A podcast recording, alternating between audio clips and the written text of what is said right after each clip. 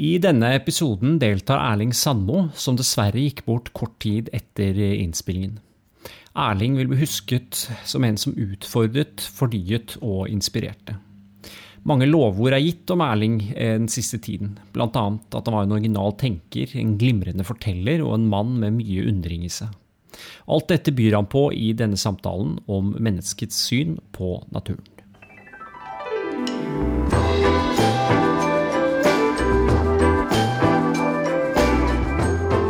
Hei og velkommen til siste episode i serien vår om klima- og miljøhistorie. Vi skal runde det hele av med en liten idehistorisk samtale om hvordan våre forfedre har sett seg selv i relasjon til naturen.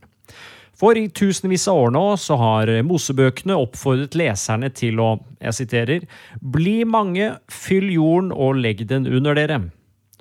På profetisk vis så er det jo akkurat det vi har gjort, og det vekker noen interessante spørsmål. Har vi hatt den samme holdninga til naturen helt siden da og frem til våre dager? Har vi den fortsatt? Og hvor langt tilbake i tid må vi egentlig for å finne mennesker som levde i såkalt pakt med naturen, hva, hva enn det betyr?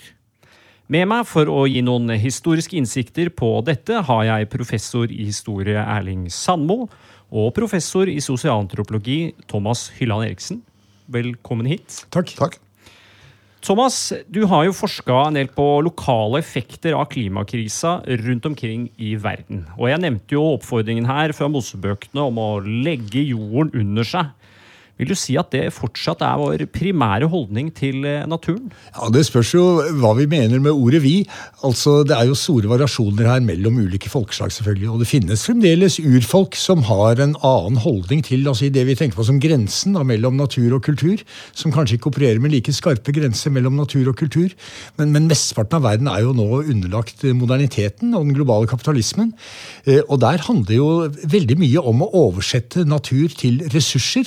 som som kan utnyttes eh, til eh, å gjøre livet bedre for mennesker, altså gjennom økonomisk vekst. Så eh, det er helt klart det dominerende synet. Og som det finnes motbevegelser og motkulturer, miljøbevegelser og andre som forsøker å motarbeide og forsøker å skape alternativer til. Så det er et komplekst bilde her. Men du sier jo det at det fins urfolk som lever liksom mer i, i, pakt med naturen. Men de lever jo også av å utbytte naturen på et eller annet vis. De også, ja. gjør de ikke? Jo, det er, men det er et interessant spørsmål. Men altså, i den grad det fremdeles finnes urfolk, altså de urfolksgruppene, la oss si små statsløse folkeslag som finnes, altså det er veldig få av dem igjen. Og de er under veldig press. Mange av dem blir proletarisert, de blir presset ut. Skogene deres brenner. Eh, i Amazonas og andre steder. Eh, og de blir på mange måter trukket inn i en moderne forbrukskultur, de også. Men det finnes fremdeles folkegrupper som eh, betrakter naturen ikke som objekt, men som subjekt. Altså Hvis du tenker på bønder versus jegere og sankere. Jegere og sankere, For dem er naturen et subjekt, fordi de må samarbeide med omgivelsene for å skaffe seg noe å spise. Så det er, det er, ikke bare tull det at inuittene takket hvalrossen ikke sant? Eh, når de hadde drept den, og hadde et lite rituale. Fordi de takket for å ha fått eh, mat og visste at de måtte oppføre seg ordentlig. Hvis ikke ble det ikke noe mat neste gang. Eh, og ideen om animisme, altså det at det har jo ikke noe med animals å gjøre, men det er anima, ikke sant? besjelethet at naturen er besjelet, og at det finnes ånd gjennom, som gjennomsyrer hele naturen, det er forestillingen vi fremdeles finner mange steder. Men hvis vi nå holder oss litt til den moderne verden, altså veksler tilbake til den moderne verden, så vil jeg si at noe av det som kanskje har skjedd i løpet av de siste 20-25 årene, det er jo at troen på fremskritt og utvikling har fått noen la oss si, veldig alvorlige pustevanskeligheter. Fordi vi ser bivirkningene. Eh, Riktignok er det blitt mindre fattigdom. Det er flere som har innlagt vann, det er flere som har eh, do. Eh, det er færre som dør av trivielle infeksjonssykdommer, og det er jo fantastisk. Og Samtidig så vet vi at vi, vi spiser opp arvesølvet. Vi spiser opp kapitalen. Fordi utvinning av fossilt brennstoff i seg selv er destruktivt. For det kommer ikke tilbake. Altså Selvfølgelig kommer det tilbake, men du må være veldig veldig tålmodig. da. Vente kanskje 60 millioner år, og så, så har du fossilt brennstoff igjen. Og tro, Så troen på at når historien har en retning, eh, og at vi går mot eh, bedre tider, eh, den tror jeg ikke er like sterk nå som den var la oss si, så sent som tidlig på 1990-tallet. Fordi vi ser de store ødeleggelsene og bivirkningene rundt oss. Så dette bildet om, eller fra Mosebøkene om å legge naturen under seg, den har begynt å slå litt sprekker, rett og slett. Ja. Og ja. vi må komme litt på andre tanker. Ja, jeg tror det, gitt. Altså, eh, han, eh, Gud ville jo at vi skulle bli mange og fylle jorden, og det har vi jo sannelig klart. Så jeg tror, for å være helt ærlig, at hvis Gud hadde hatt muligheten til å skrive en ny versjon, annen utgave av Bibelen, så ville han formulert seg litt annerledes nå. Hvordan tror du han ville formulert seg da? Uh, lev i uh, samarbeid med alt som er levende, og sørg for å etterlate deg planeten i minst like god forfatning som du fant den. Ja, det. Eh, Erling, du har jo forska med på sånn sjøhyre på 1500-tallet og sånn. Det er jo en litt annen tid, 500 år tilbake. Hvordan var eh, synet på menneske og natur eh, da, vil du si? Mm, det var et Altså, jeg, jeg liker jo godt Thomas' tanke om om naturen også som subjekt. Eh, men ikke da nødvendigvis at han er bare handlende, men at han har noe å si. At han har uh, tydelige budskap, og disse her uh, monstrene som her har, har kjelt for, er jo veldig sånn, da. At de, de kommer opp fra havet fordi at de har, de har, noe å melde, eller de har noe å demonstrere, da. Som er opphavet til navnet monster. De har et poeng som de skal vise frem, og det kan være et poeng som de får frem ved å være veldig rare, men først og fremst da ved å bryte med noen regelmessigheter på måter som får regelmessighetene til å bli tydelige. Men sånn naturen Det er vanskelig å snakke om, om naturen i verden på, på 1500-tallet. Det er igjen eh, et spørsmål om hvem man skal etablere som vi er. Men det skiller seg nok fra natursyn, særlig etterpå, ved denne troen på at det er tegn da, at en sånn slags semiotisk natur, der de forskjellige delene av naturen eh, blir interessante fordi at de ligner på ting, eller fordi at de har noe å bety. Ja. Men jeg lurer på, Arling, altså, Når kom kontrollbehovet inn? Altså denne Ideen om at naturen skulle kartlegges og kontrolleres av mennesker. altså Det begynte vel så smått på 1500-1600-tallet. Francis Bacon, eh, vitenskapelig revolusjon, eh, teknologiske endringer, den type ting. Mm. Det gjør det, og det er vel eh, sånn Det der med, med, å legge naturen under seg, det er jo et, eh, et budskap med sånn her uh, humpete livsløp, for så vidt. fordi at på 1500-tallet så er det jo eh, Har blitt liksom helt, helt brydd av å si det av og til, for det, siden det er sant. altså Etter alle de årene i auditoriet der jeg har sagt ja, og så kom renessansen. Det er jo faktisk riktig. Renessansen kom og gjorde ting med natursynet og det renessansen gjorde med natursynet, eller det natursynet gjorde med renessansen, å hente inn antikken. Så man leste Plinius og Aristoteles og Strabo og de store reisebeskrivelsene og naturobservasjonene og natursystematikkene. Og så lærte man å forholde seg til naturen av forfattere som ikke hadde vært kristne. Og som ikke hadde denne her eh, bibelske troen på at man skulle legge verden under seg som, som sitt fundament. Så man blir mer opptatt av av system og tegn og likheter.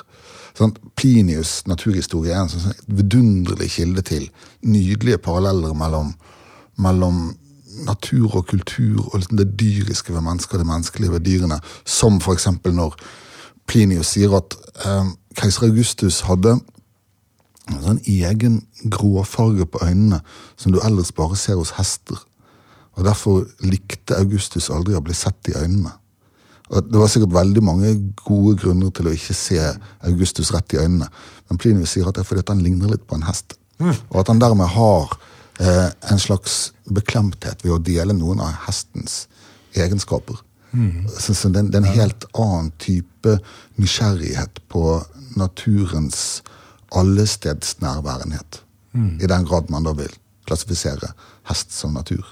Ja, og det, og det, kan man gjøre, men, men der er du for så vidt inne på noe annet som også er ganske interessant der, som jeg synes er spennende, ikke minst i overgangen altså mellom middelalder og, og moderne tid. Og renessanse, det er jo grensene altså mellom det ville og det temmede, mellom det siviliserte og det barbariske. Eh, altså Hvor bymuren liksom symboliserte grensen. Innenfor bymuren er det sivilisasjon. ikke sant? Stadtluft macht frei. Og utenfor er det barbarer og landeveisrøvere og ville dyr og farer. Og naturen har jo alltid vært en trussel. Altså En grunn til at det ikke oppsto noen eh, virkelig store, stabile, langvarige statsdannelser i Afrika, var jo så enkelt som bavianer og elefanter. Fordi de kom og ødela avlingene. Så man fikk aldri produsert nok overskudd til å bygge eh, templer og, og, og, store byer og osv. Så, videre. så naturen har vært en fiende. Og der tenker jeg også at det har skjedd noe, altså siden 1940-tallet særlig. Da man ble sånn, opptatt av befolkningsveksten, og det var mye litteratur rundt dette befolkningsbomben og osv. Og, og at vi utnytter ressursene altfor mye. Roma-klubben kom tidlig på 1970-tallet. Limits to growth, altså den type tenkemåte som gjorde at naturen plutselig ble svak og ynkelig og måtte vernes. Og så fikk man begrepet naturvern. Naturen skulle ikke lenger bekjempes, den, skulle, den måtte beskyttes. Og så måtte man opprette reservater og nasjonalparker, sånn at naturen kunne få igjen, beholde et lite hjørne da, eh, i en verden som ellers var totalt dominert og til dels rasert av mennesker. Mm, mm. Det, men det er jo også en, en, sånn en, vernetanke som etablerer et veldig absolutt skille mellom eh, mennesket og, og, kulturen. Så hvis du går tilbake og ser på riktig gamle kart, så vil du da se at um, de ukjente og uutforskede og uklare delene av verden, som det tidlige Amerika, er områder der det dyriske og det menneskelige flyter over i hverandre. Mm. Der, der, menneskene ser veldig veldig rare ut. Og Columbus skriver i, i sine brev hjem at uh, Altså, her er det folk med hundehoder. altså, og vi, Det var like ved at vi fikk se dem. Mm. Men da vi kom til der, så var det varmt fremdeles, men, men menneskene med hundehoder hadde løpt sin vei. Men de, de, visste at de var der. sånn at Uhyrene og, ja. og enfotingene og blemmiene med ansiktet midt på magen og sånn, de, de, er bare like bortenfor det stedet til, som vi til enhver tid har nådd med vår kunnskap. Ja. Og, så, ja. når du har kommet helt ut, så er de borte. Men hvor, forsvinner de? vi, vi, vi, har jo ikke dem med oss i dag, disse mytiske skikkelsene. som sier. Dyrene har sluttet å snakke, og, og de sjøbeistene er borte. Ja. Når, når, forsvinner de, og hvor blir de av? De sliter jo med, med en overgang sant, på, på 1600-tallet. For mange av disse her ordentlige monstrene så var jo vitenskapen en, en ulykke. altså. Og de, de, ble radert bort. Men mange av de som hadde vært monstre, som hvalrossen f.eks., et nøkkeldyr i, i sammenhengen her. Vi må gjerne snakke mye om hvalross. Eh, de greide jo overgangen til å bli normale dyr helt fint. Mm. De lot seg verifisere og de lot seg eh, observere igjen og igjen. Og de overlevde å bli tappet for mening. Mm. Mens noen, altså, jeg vet ikke, altså havfruer eh, du har jo vært litt opptatt av havfugl. Altså, altså, dugonger, altså sånn sjøkuer. Narhvalen. Den, er også, ja. den, har, den, har, du også skrevet om. Ja, ja alle disse. De er fine. Ja. ja sant? Men, men, de lever jo videre i andre deler av verden på et eller annet vis, med disse eh, hybridvesenene som, ja. Eh, som, forsvinner, men som, som, eksisterer på veldig mange nivåer mm. i europeisk historie til i hvert fall sånn slutten av 1500-tallet, 1600-tallet. Og noen av dem er en mellomting. ikke sant? Mm. Altså De har noen menneskelige egenskaper og noen dyriske egenskaper. så De er på en måte verken eldre og både og. Men så kom jo da den vitenskapelige eh, hangen etter å klassifisere folk. altså Linné var jo et høydepunkt da, på 1700-tallet, men det begynte jo før ham. altså Den såkalt vitenskapelige rasismen. Og da var det jo mange som eh, oppfattet det slik, og langt ut på 1800-tallet, som at afrikanere var liksom litt mindre menneskelige enn hvite. ikke sant? Mm. Så De var litt nærmere, de lignet litt mer på aper osv. Ja, for litt mindre mennesker vil da si litt mer dyr. Ja, ikke sant? Og, og da Darwin uh, kom, utviklet sin teori, og han betrodde den da til Charles Lyle? Den, hans eldre måte, mentor og geologen Charles Lyle, så sa Lyle at uh, det som er skummelt med din teori, vet du, Charles, det er ikke at du sier at vi nedstammer fra aper, det er på en måte greit, men det er at du sier at vi er nære slektninger av våre svarte kammertjenere og slaver. Det, det, det, var, det var å ta det litt for langt. For der måtte man sette en grense. Ja.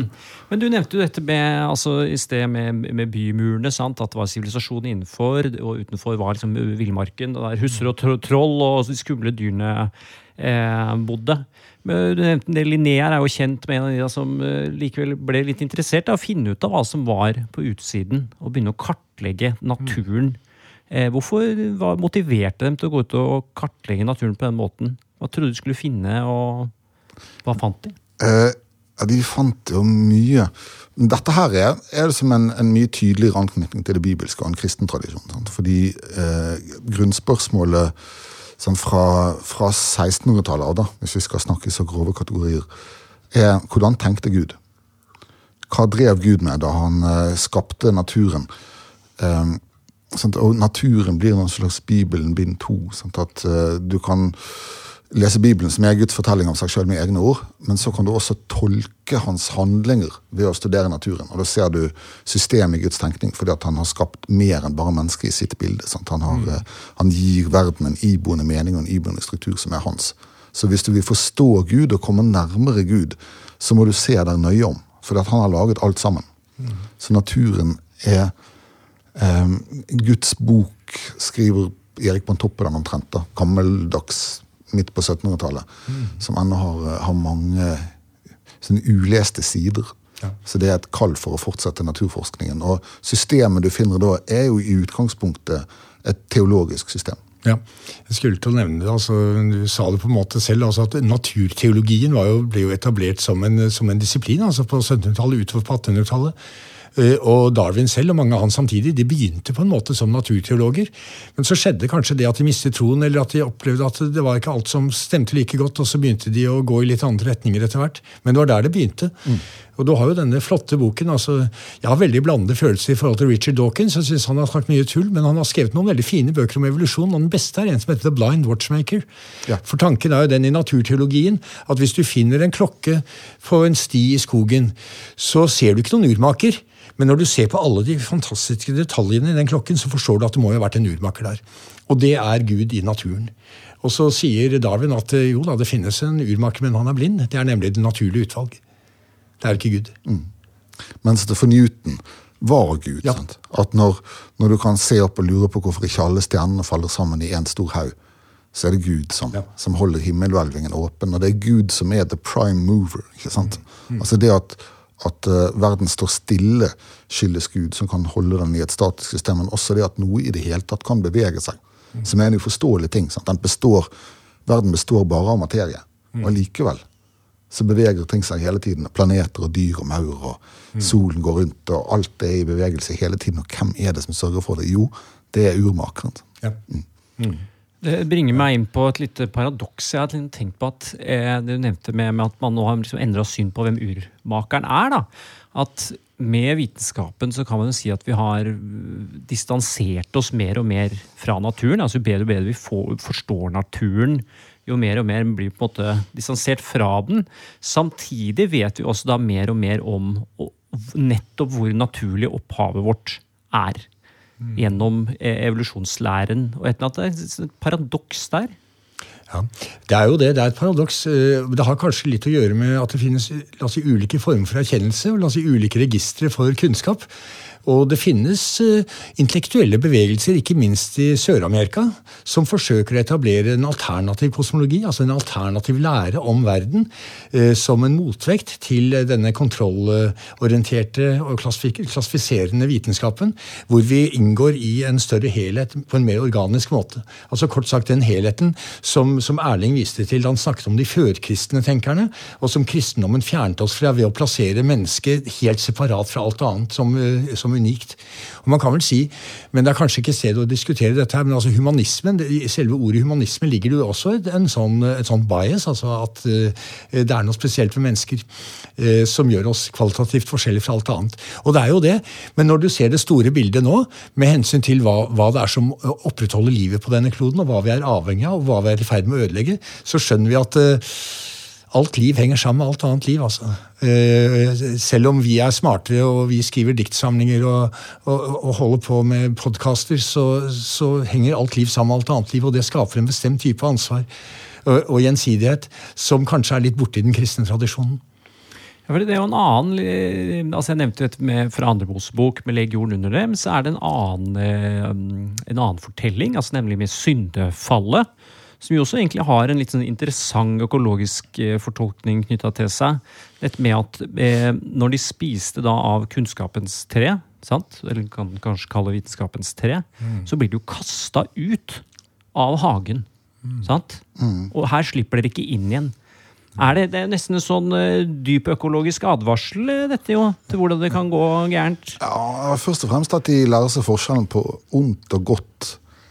Um, men det er klart man kan jo se det som, um, som Altså at innsikten i forskjellen mellom vondt og ått er straffen for å søke kunnskap om naturen. Mm. kanskje, og at uh, dette var vel en liksom, er jo en sånn yndlingstanke hos Nietzsche. Sant? At en gang, en gang kunne vi ikke forskjellen på godt og vondt. Mm. Ja.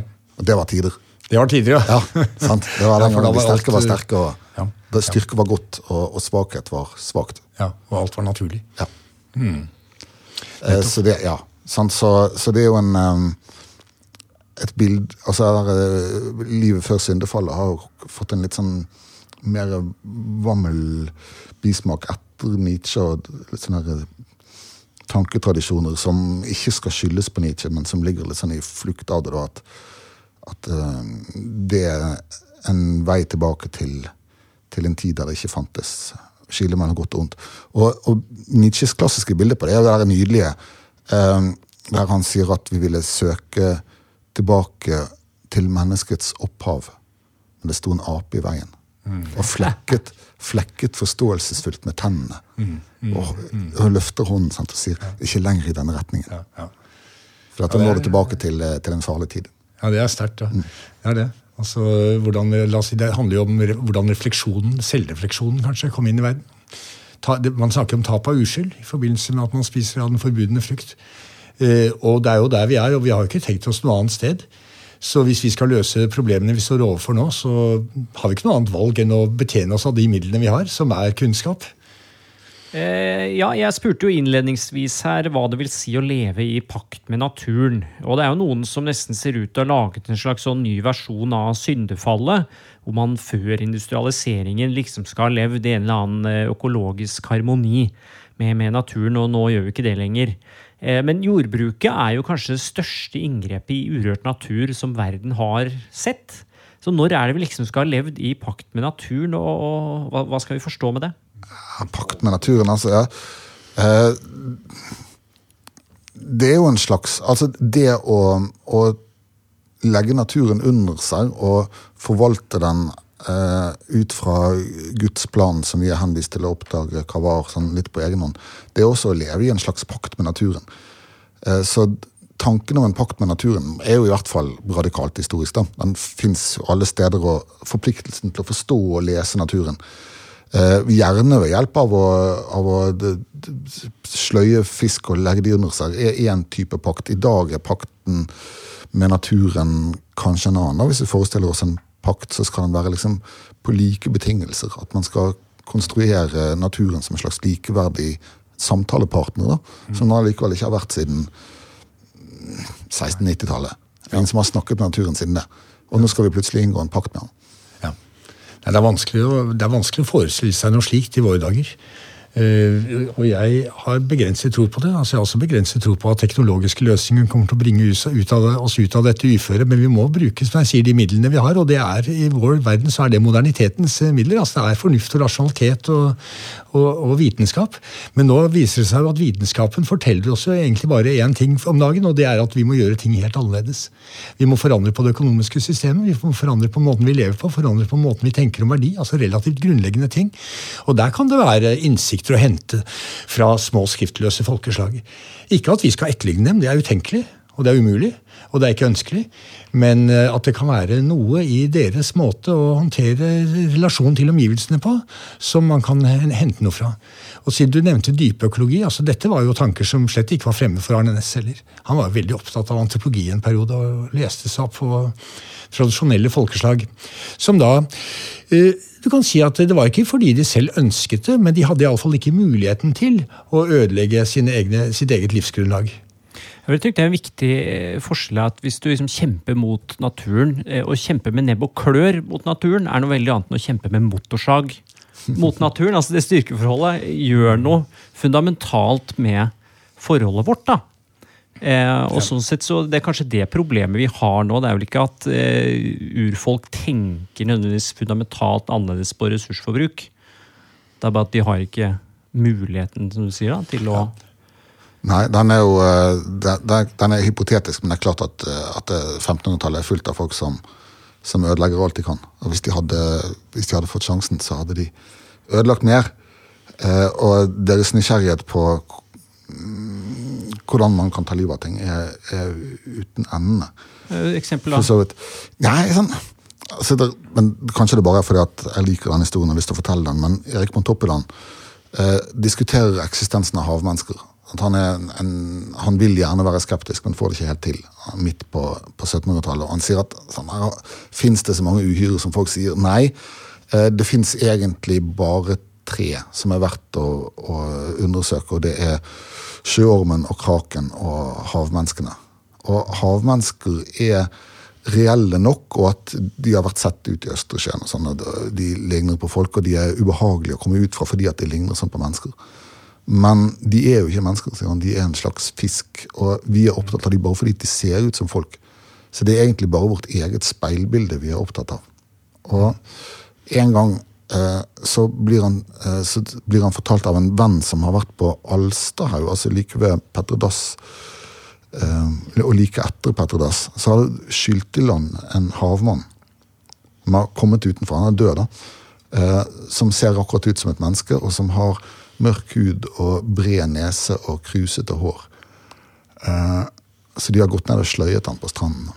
Ups. Og sånn En slem historie. Og det, det sier at den, har, den hadde en sånn fettpukkel på ryggen men var ellers helt åpenbart en, et dyr. Sant? Det var ikke et menneske, det bare lignet på et menneske. Så vi bør slutte å være opptatt av, av uh, havmennesker og liksom forestille oss at de er noe mer enn bare et helt vilkårlig speilbilde av oss sjøl. Dette handler om menneskehetens egen kjærlighet, sier Pontoppidan. Og, uh, og det er liksom en, en, historie som minner om at opplysningstiden er kald. Sånn. Den er ikke den er nok opptatt av den sene fysikoteologien og Guds avtrykk. Men, eh, men knivene er skarpe, og blikket er kaldt. Sant? Og de, de legger jo ikke noen bånd på seg i fangst. Det, det er bare de båndene som fins, som du antyder, for så vidt i kraft av teknologiens begrensninger. På den annen side så kan vi jo heller ikke vite at de ville gått amok hvis de hadde hatt Neida. harpuner. Nei da, som du sier, det, det er selvfølgelig hypotetisk.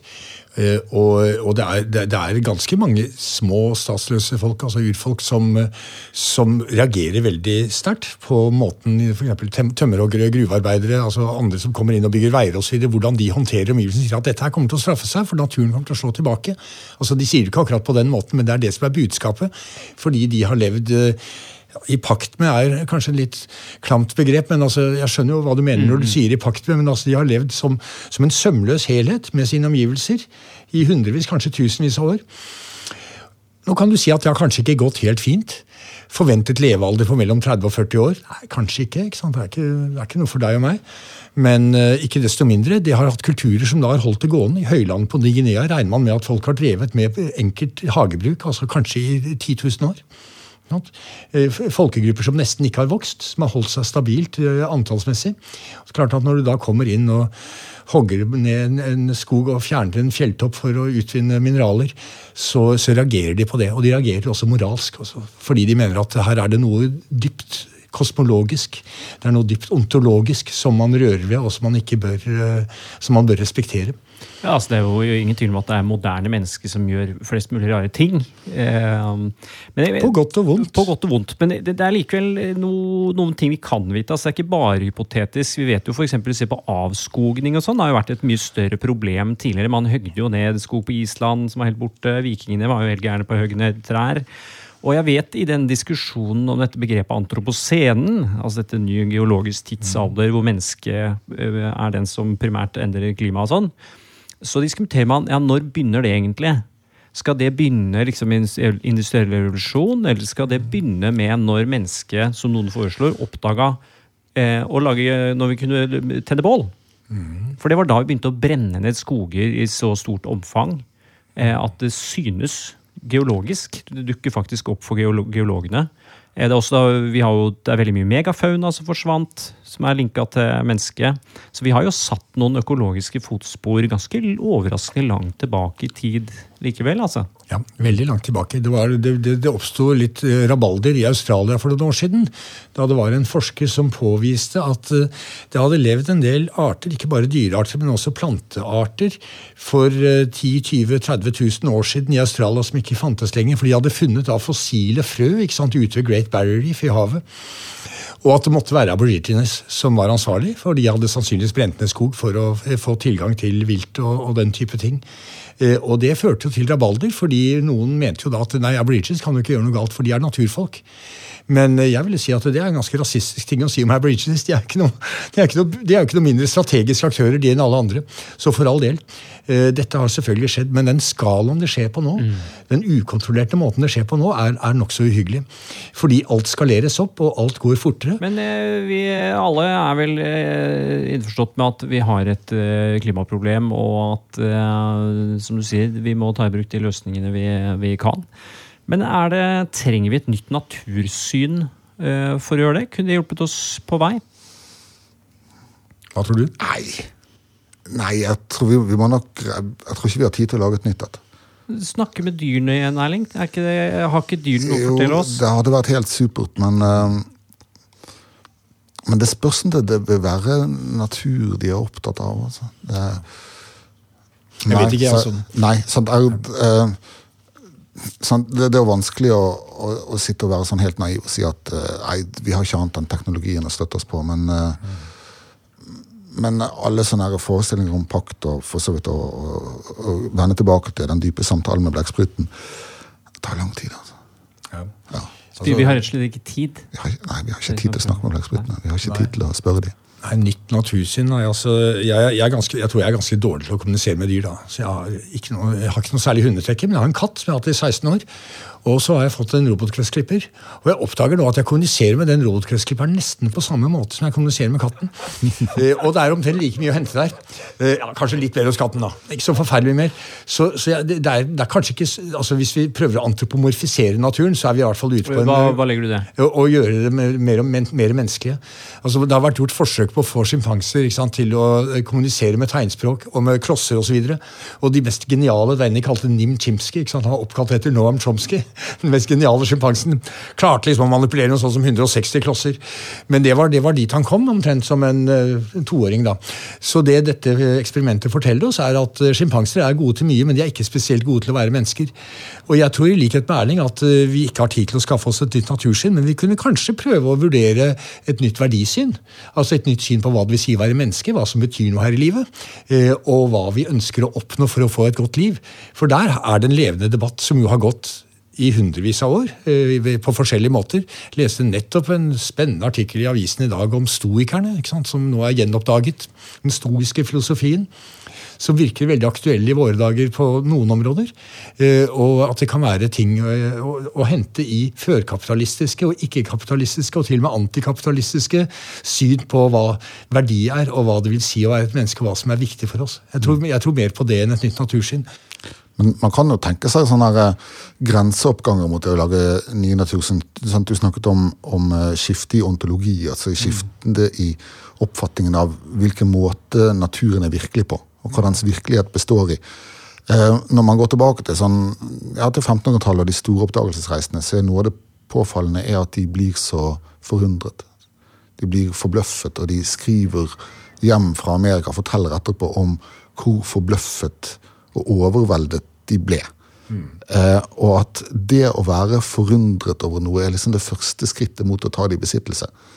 Stephen Greenblatt har skrevet veldig fint om det der. Om, uh, om the wonder of the new world. Så du kommer dit, og så blir du forundret, og så skriver du hjem, og så er det din forundring. Og da er du likevel ett skritt foran de som ikke har kommet dit og blitt forundret ennå. Og det å kunne ta verden i besittelse gjennom forundring og forbløffelse er en veldig fin ting, da, og som er en annen måte å ta den i besittelse på enn å sprette den opp og sette fyr på den. Så vi må se flere sånne David Attenborough, The Blue World-DVD-er. altså. Ja, eller ikke sitte inne med DVD-ene, kanskje, men, eh, men ut gå og- ut og tenke at det å kontrollere ting også kan bestå i denne sånn løsere epistemologien, som er liksom forundringen og forbløffelsen. Ja. Men det er kanskje veldig forblommet også, da. Nei, men det kan være et skritt på veien. Og det kan også være et skritt på veien mot å la oss si, realisere seg selv og sitt menneskerett gjennom noe annet enn økt forbruk. Fordi det, det er en hund som ligger begravet her. ikke sant? Altså I containerskipene og, og den kinesiske ekspansjonen og veksten i eh, produksjon av eh, alle mulige typer eh, industrivarer og, og varer man kan kjøpe. Eh, Og det er jo blitt så lett å bruke penger da også, pga. appifiseringen av verden. Du trenger jo bare å holde mobiltelefonen din inntil et eller annet, og så går pengene ut av kontoen din. Så det å kunne realisere seg selv gjelder noe annet, f.eks. gjennom forundring, som Erling sier, Eh, det, det oppfatter jeg som altså Det er veldig karbonnøytralt å lese romaner, f.eks. Relativt sett. Eh, sammenlignet med veldig mye av det andre vi kunne gjøre. Og jeg vil ikke påstå at det ikke gir deg et rikere liv enn å starte opp en gullgruve. Skal ikke se bort fra det. At det å lese en roman kan gi deg et bedre liv enn å starte en gullgruve. Så vi kan godt ha noen sånne verdidiskusjoner uten å havne nødvendigvis i skyttergraver. Men øh, hvis vi er enige om at uh, nå står vi på et punkt i verdenshistorien hvor vi kanskje må tenke litt annerledes, og vi må kanskje ha et nytt prosjekt knyttet til fremskritt og utvikling som ikke handler om å dominere mer, utvinne mer, forbruke mer, ha mer økonomisk vekst osv. fordi det er, ser vi nå er i ferd med å gå veldig, veldig galt så kan vi begynne å reflektere litt rundt dette. Og der finnes det ting i vår egen kulturtradisjon som vi kan trekke veksler på. Og det er da vi trenger folk som Erling, som er historikere, som kan uh. Ja, ja, ja, ja da, men også historikere som kan fortelle oss at jo da, dette her er faktisk en del av vår egen kulturtradisjon. Altså det, det er noe som eh, vi har, vi har kjent, vært kjent med i Europa tidligere, men så later vi som vi har glemt det, fordi vi var så opptatt av å tjene penger og, og bygge fabrikker. Erling, nå la han eh, ballen i din eh, bane her. Nå må ja, du uh, hjem og skrive. Ja, ja, hjem og skrive. Helt klart, altså. Men, men dette minner meg på, på en helt nydelig historie som i, i all sin gru som Daniel Lord Smail fortalte da han var her. Sånn evolusjonshistoriker som har brukt evolusjons teori på menneskelig historie. og Han sier at det er selvfølgelig tull å, å, bruke evolusjonsbiologiske modeller på de siste 200 årene. Menneskene forandrer seg ikke så fort. Men du kan se på hvordan tingene tilpasser seg menneskene. Du kan se på hvor fort Mikke Mus utvikler seg. Det er en sånn evolusjonsfavoritt. Sant? At Etter hvert som han spiller skiftende roller, så ser han annerledes ut og får kortere snute, større øre og mindre øre. Sånn. Eh, men hans store eksempel var Franklin-ekspedisjonen, som skal finne Nordvestpassasjen, der alle dør i 1845. Eh, og, og, etter hvert som de da slepte seg innover i, i, landet fra det fastfrosne skipet for å finne bare en eller annen vei ut, så, så, blir de færre og færre og mer og mer slitne, så de kaster fra seg de tingene de ikke trenger. Og, eh, så de kaster fra seg verktøy og medisiner og våpen og nesten alt. annet Og de dør og de dør. Og til slutt så har de bare noen ganske få ting igjen som de ikke kan gi slipp på. Og det er da de best tilpassede tingene. Så de to siste, og man kunne spore denne bevegelsen fordi det er så kaldt, så ingenting råtner. Eh, så til slutt så finner man da de siste overlevende, som da er døde, eh, krøllet sammen inni en eh, slede som de har slett med seg. Og de har da med seg to ting. De har med seg eh, sølvbestikk med monogram, og så har de med en roman. Så de dør med romanen. Og det er det siste de trenger. Sant? Mm. Så riktignok sulter de, eller riktignok var ikke naturen på deres side. Men det man i siste instans er aller sterkest knyttet til, er romanen og forundringen og forestillingsevnen. Erling Sandmo, Thomas Ivan Nilsen, tusen takk.